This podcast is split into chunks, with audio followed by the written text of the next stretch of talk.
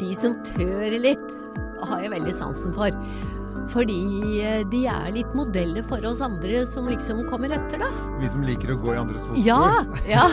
Syns det, er det er litt trygt at noen har vært der. ja, ikke sant? Ja. Tenke litt på de som faktisk gikk først, da. Ja, ikke sant? Og at uh, du kan tørre litt sjøl òg. Fagbokpodden er laget i samarbeid med Gyldendal. Anne Inger Helmen Borge, du er professor i utviklingspsykologi og ansatt ved Psykologisk institutt ved Universitetet i Oslo, har skrevet en bok som heter Resilience, eller Resilience, noen kanskje ville si på engelsk. Eh, risiko og sunn utvikling, som handler om at vi mennesker har noe greier et eller annet sted langt inni oss, eller hvor det måtte bo, som hjelper oss til å komme på beina igjen når noe ille har skjedd, enten sånn kollektivt eller bare som enkeltmennesker. Klarer du å peke på hva det er for noe? Det er nok eh, vanskelig akkurat å peke på det eksakt, men det er som du sier, det er vel en robusthet og en kraft og et håp. Og, ikke sant? At, mm. at eh, det er noe i oss som egentlig tilsier at ikke vi skal gi opp. Bare for, å, bare for å rydde det av veien med en gang. Dette er ikke religiøst betinget, ikke sant? Dette er noe som ligger i mennesket fordi vi er folk. Ja. Ja. Og, og det ligger i oss fordi vi er sosiale folk. Ok. Ja. Det, Så vi er avhengig av hverandre for dette? Ja, vi er det. Som jeg bruker å si, du, du blir ikke så lett uh, resilient av å sitte hjemme i godstolen og enten bekymre deg eller Sånn, du kan jo godt gjøre det en stund, men du må liksom prate med noen og ut. Ok, Så når man da tar noen som f.eks. har fått en alvorlig sykdom, da, og Ja. putter den personen sammen med noen andre med tilsvarende sykdom, Ja. Så kan de sammen klare å få til noe? Ja. Det er jo veldig grunnleggende at vi eh, som regel liksom kanskje blir roligere av at vi ikke er sånn helt aleine om ting, og at ikke det bare er noe veldig alvorlig med deg, Ja. men at eh, det liksom kanskje er litt trøst og støtte i felles opplevelser. Du har jo samla forskningsresultater fra stort sett hele verden, og folk som kan litt om dette, eh, i et litt sånn tema som jeg aner meg er litt uh, litt lite håndfast da, i forhold til liksom vonde knær og, og stålhofter. Altså det at vi mennesker utvikler noe som, eller oppnår noe som, som hjelper oss uten at vi egentlig vet hva det er for noe. Ja, og vi er jo egentlig litt lite flinke til å prate om sånn um, styrke og stolthet og, og liksom det å være kry av noe som jeg liker godt ordet kry. Ikke Ja. sant? Kanskje fordi vi er i samfunnet i dag så orientert mot uh, elendighet, så er det litt uvant å liksom framstille seg positivt overfor andre og, og si at uh, liksom jeg har kommet meg veldig bra og sånn, hvis ikke andre spør veldig mye om det, da.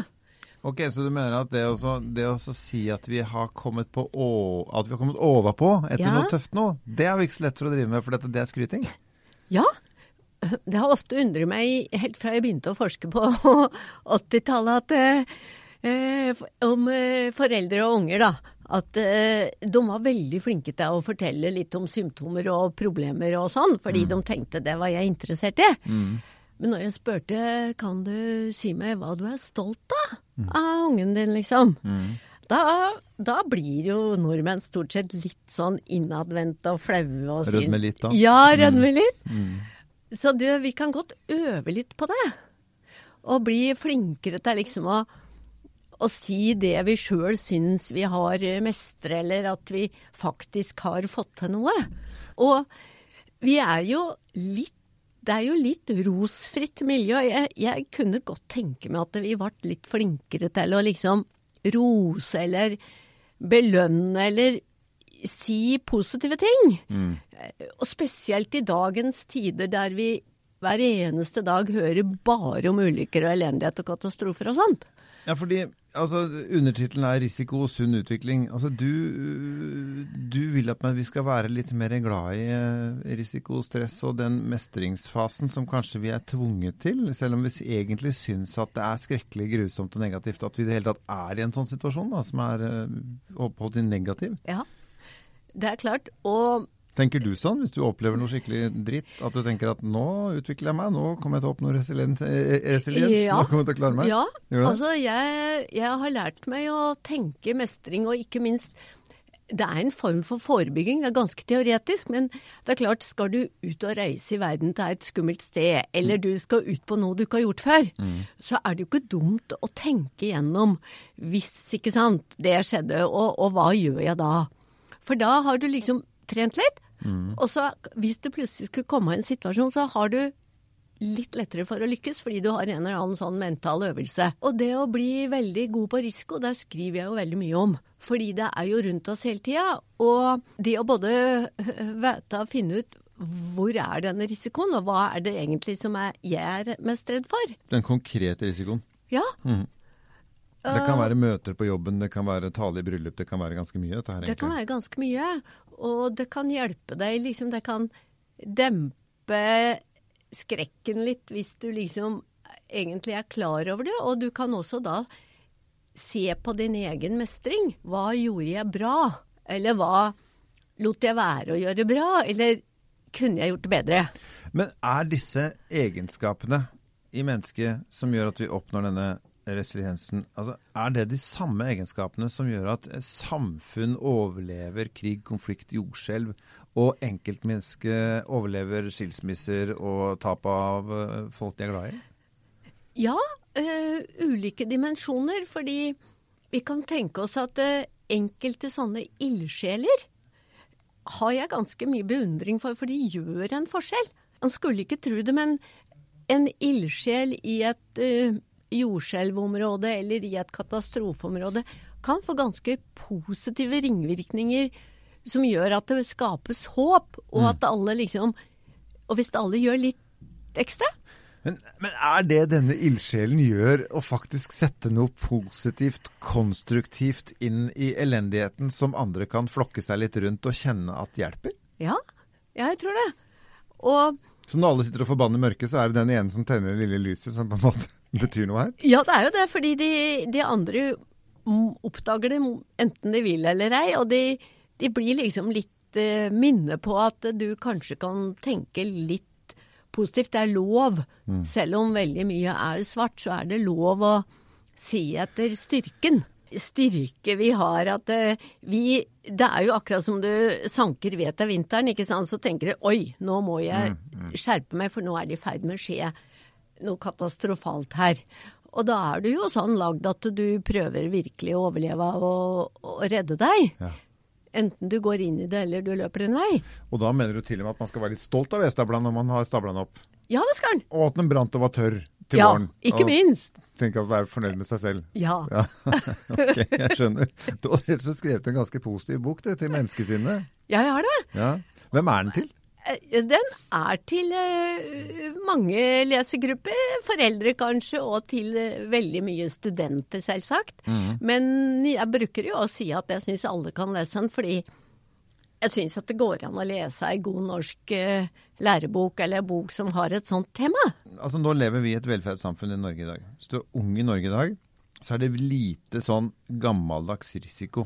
Altså Helsevesenet ja. er bra, du har hjelm når du sykler, alt er på stell. ikke sant? Ja. Folk døde jo altså, eh, Bare for å ta et sjokkerende statistikk da, med et eksempel på ja. dette her. I 1970 så døde det 110 barn i trafikken i Norge. Ja. Og i 2010 så døde det fem. Ja. Og det er klart at vi minimerer risikoen vår kraftig ja. underveis. Hva gjør det med oss? Taper vi noe på å få det så trygt? Nei, det tror jeg ikke. Vi, vi vinner på det. Og jeg veldig enig med det at de fantastiske barnebilsetene og alt det er ja, jo bare helt utrolig flott. Selvfølgelig er det det. Men, men, så, som jeg ofte har hatt sånne øvelser med studenter, hvilke nye risikofaktorer har vi fått? Ok. For det er vel noe sånn at eh, vi blir egentlig sjelden ordentlig kvitt gode gamledagse risikofaktorer, som farlig med trafikk. Ja, ikke sant? Kanskje. Fall i trappa. Fall i trappa. Mm. Alt det der. Men noe blir vi kvitt, men eh, det kommer nye. Og de, de, må vi være gode til å oppdage. Er det noen nye risikofaktorer som vi kan håpe å si kose oss med, lære noe av nå, i mangel av noen gamle som er borte? Jeg tenker jo litt på um, dette nye uh, visuelle samfunnet, video. Altså det faktum at mange foreldre er bekymret for det skiftet vi ser nå, fra liksom blyant og papir mm. til tastatur og skjerm. Hvor blir det av eh, eh, fingerspissfølelsen, liksom? Ja, og den, den må vi ha, for det er veldig fin læring. Og jeg tror at unger kommer til å tegne og male og, og bruke fingra. Det som de er redde, er at det er noe nytt som du ikke har hatt sjøl. Ikke sant? Vi blir litt gamle litt tidlig, kanskje? Ja, og vi vil ikke liksom tenke at om 20 år så kommer jeg til å le av at jeg var bekymra for det her i, i 2018. Ikke sant? Fordi det er nok ikke så farlig som vi tror. Ja, for det du, akkurat det du pirker borti nå, det jeg tror jeg det er ikke mange som kjenner på, ikke bare, ikke bare ungdom, men voksne også. Altså den, den, den endringstiden vi har i måten ting skjer på. På Ja. jobben f.eks. Måten Ja. man kjøper en, en, en, en trikkebillett. Måten alt Altså, det er, har vært ganske store omveltninger. Altså, vi har, en, vi har en stat som i Oslo laget et billettsystem som nå virker som det bare står i veien. Det er et ja, håpløst avleggs, ikke sant. Ja. Så det, det er enorme eh, endringer, og eh, frykt for den type endringer, er det, er det på en måte et sted hvor vi kan begynne? Ja, vi kan det. Fordi hvis du går 100 år tilbake, da, eller 100 år fram, så er det klart at de var jo råredde på begynnelsen av 1900-tallet for industrialisering og emigrasjon av alt det nye. Er? Biler og telefoner, og tenk når TV-en kom. Farge-TV til og med, Ja. var jo krise. var krise. Så at jeg er ikke liksom helt villig til å tro at det er som vil være i dag enn det vil være i 2048, altså. Fordi, men, men det er liksom, som du sier, det er kanskje noe med tempoet at det blir en sånn litt kollektiv frykt, liksom sånn Min eh, favorittbekymring er at barna ser for mye på nett, ikke sant? Det blir litt sånn Det er noe sånn det er i dag. Ja. Men jeg er jo helt sikker på at dagens unger kommer til å gjøre det kjempebra, og at de er sunne og friske. Ja, og så blir det vel egentlig litt det samme, nå skal jeg være ordentlig stygg, eh, som å si at eh, barn eh, for eh, en god del år siden så for mye bøker. Altså, internett er jo alt. Ja, det er alt, ikke sant. De leste for mye tegneserieblader. Ja. Både de som var smale og de som var store, og de skar for mye med kniven i mjølkebukken. Ikke sant? De, de gjorde ugagn, og de gjorde ting da òg. Akkurat som de gjør i dag. Men det er, det, på en måte øh, så er det vidunderlig å snakke med deg, for det høres ut som i din verden så er på en måte ting som det skal være. Vi er redde for ting, det har vi alltid vært. Og vi kommer til å oppleve at det gikk bra. Ja, Men en eller annen gang går det vel gærent? ja det gjør de jo. Gjør det? Jo da. Og det- Skikkelig. Skikkelig. Og, og det er jo, jeg skriver jo mye om livsløp. Ja. Og det er veldig mye fokus på eh, hva som skjer gjennom livet. Liksom hvor ustabilt er Er det sånn vi har det? Eh, går det an å forandre seg til det bedre? Hva om det skjer en forverring? Og jeg skriver jo en del om vendepunkt. Det er liksom noe vi kan gripe tak i. Tørre å prøve noe nytt. Og ikke fordi det er nytt, men fordi det åpner nye muligheter. Og det er veldig fint med det å liksom De som tør litt, har jeg veldig sansen for. Fordi eh, de er litt modeller for oss andre som liksom kommer etter, da. Vi som liker å gå i andres fotspor. Ja, ja. Syns det, er det er litt trygt at noen har vært der Ja, ikke sant? Ja. Tenke litt på de som faktisk gikk først, ja. Ja, ikke sant? Og at uh, du kan tørre litt sjøl òg, fordi det kan jo hende at det er veldig mye positivt. Så jeg prøver ofte liksom å Det er så fint med psykologien, vet du. Du kan stille motspørsmål. Ja, ikke sant? Der alle tenker at uff, det er ille, så kan du si ja, men det er jo bra også. Ja. Oi, det hadde du ikke helt tenkt på, liksom. Så hele veien i boka har jeg jo jobba med å greie å finne dette positive. Fordi vi er så neddinga av alle denne kjedelige elendigheten. For å ta liksom det ultimat negative for et menneske, da. Det er jo å dø. Ja. Det er jo på en måte Da, da, da er det over.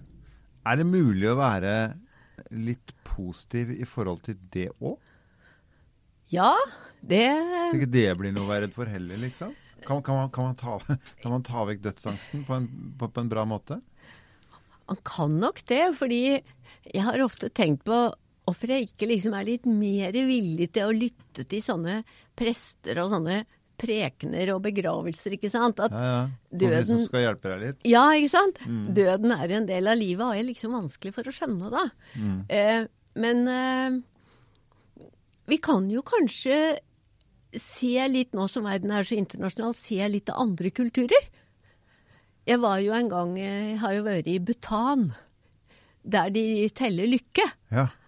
uh, i stedet for uh, penger. De fyller bøtta si med lykke. ja, de gjør det. De er veldig opptatt av lykke, og de, de får litt eh, jord å greie seg på. Og de har jo De er så opptatt av døden, liksom, og, og, og de har så fine tanker om sjelen, og de henger opp flagg oppe i skauen og sånn.